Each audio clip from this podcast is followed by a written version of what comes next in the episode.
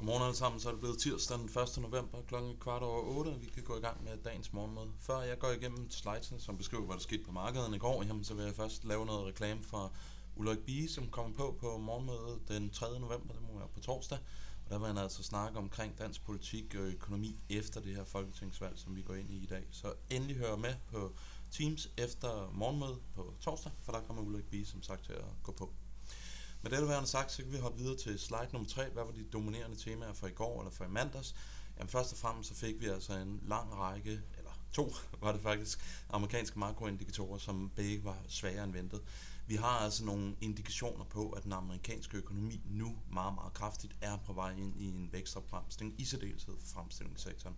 Jeg kommer lidt tilbage til det senere i de her slides, men i hvert fald sværere end ventet amerikansk makro i går. Så så vi europæiske naturgaspriser, som faldt meget, meget kraftigt. Vi er ikke lang vej fra at have de laveste niveauer siden krigen i Ukraine den startede.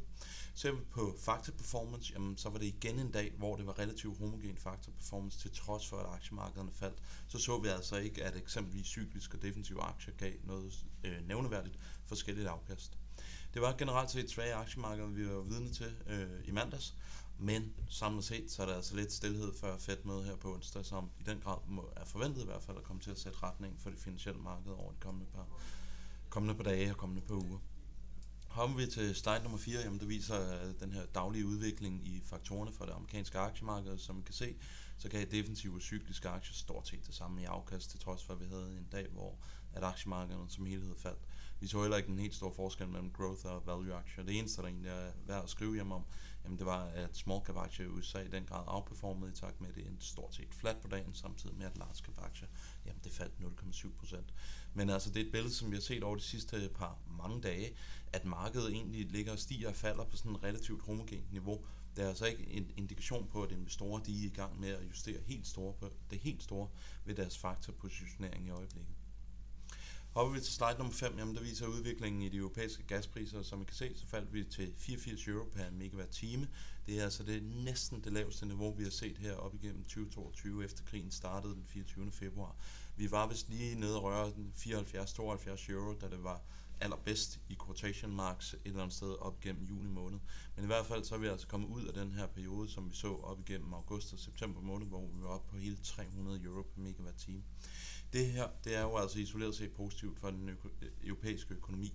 Det betyder, at den europæiske forbruger, han kan bruge nogle penge på andre ting, end bare at servicere sin gasregning. Så isoleret set på marginen, jamen så er det altså på, eller på marginalen, så er det altså positivt for Europa, det vi ser. Så fik vi som sagt noget eller amerikansk makro her i går, og vi starter med Chicago PMI, den faldt til 45,2.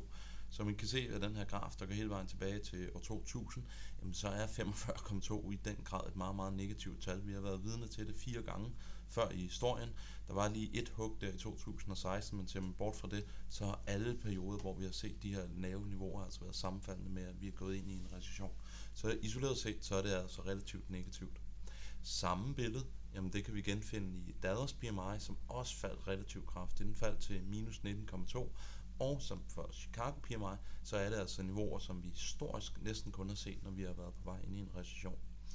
Nu har vi fået rigtig, rigtig mange regionale PMI's ud af USA, og hvis man tager og regresserer dem, som vi gør på slide nummer 8, op imod det aggregerede ISM Manufacturing Index, jamen så peger det faktisk på, at vi skal se ISM Manufacturing falde fra 50,9 og ned til 47,3. Naturligvis så er der jo altså noget statistisk usikkerhed omkring det her, men det er imod væk værd at bemærke, at du ser en så bred øh, svækkelse i de her PMI's for de små regionale øh, Fed, øh, skal jeg til at sige fedmedlemmer, men øh, Fed-divisioner. Og det er altså en indikation på, at den amerikanske økonomi, i hvert fald i vores øjne, nu begynder at kunne mærke den her globale vækstopbremsning. Det er altså efter i 2022, hvor det ellers har holdt sig relativt stabilt.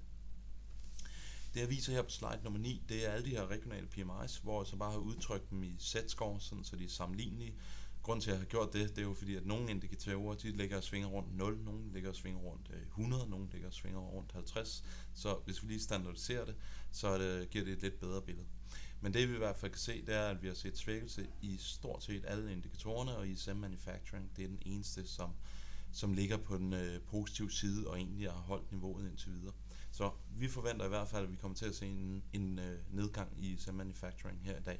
Det skal lige siges, at analytikerne, jamen det forventer, at den bare skal falde til 50. Så vi er måske lidt mere bearish på den, end hvad det generelle analytikerkorps det er i øjeblikket.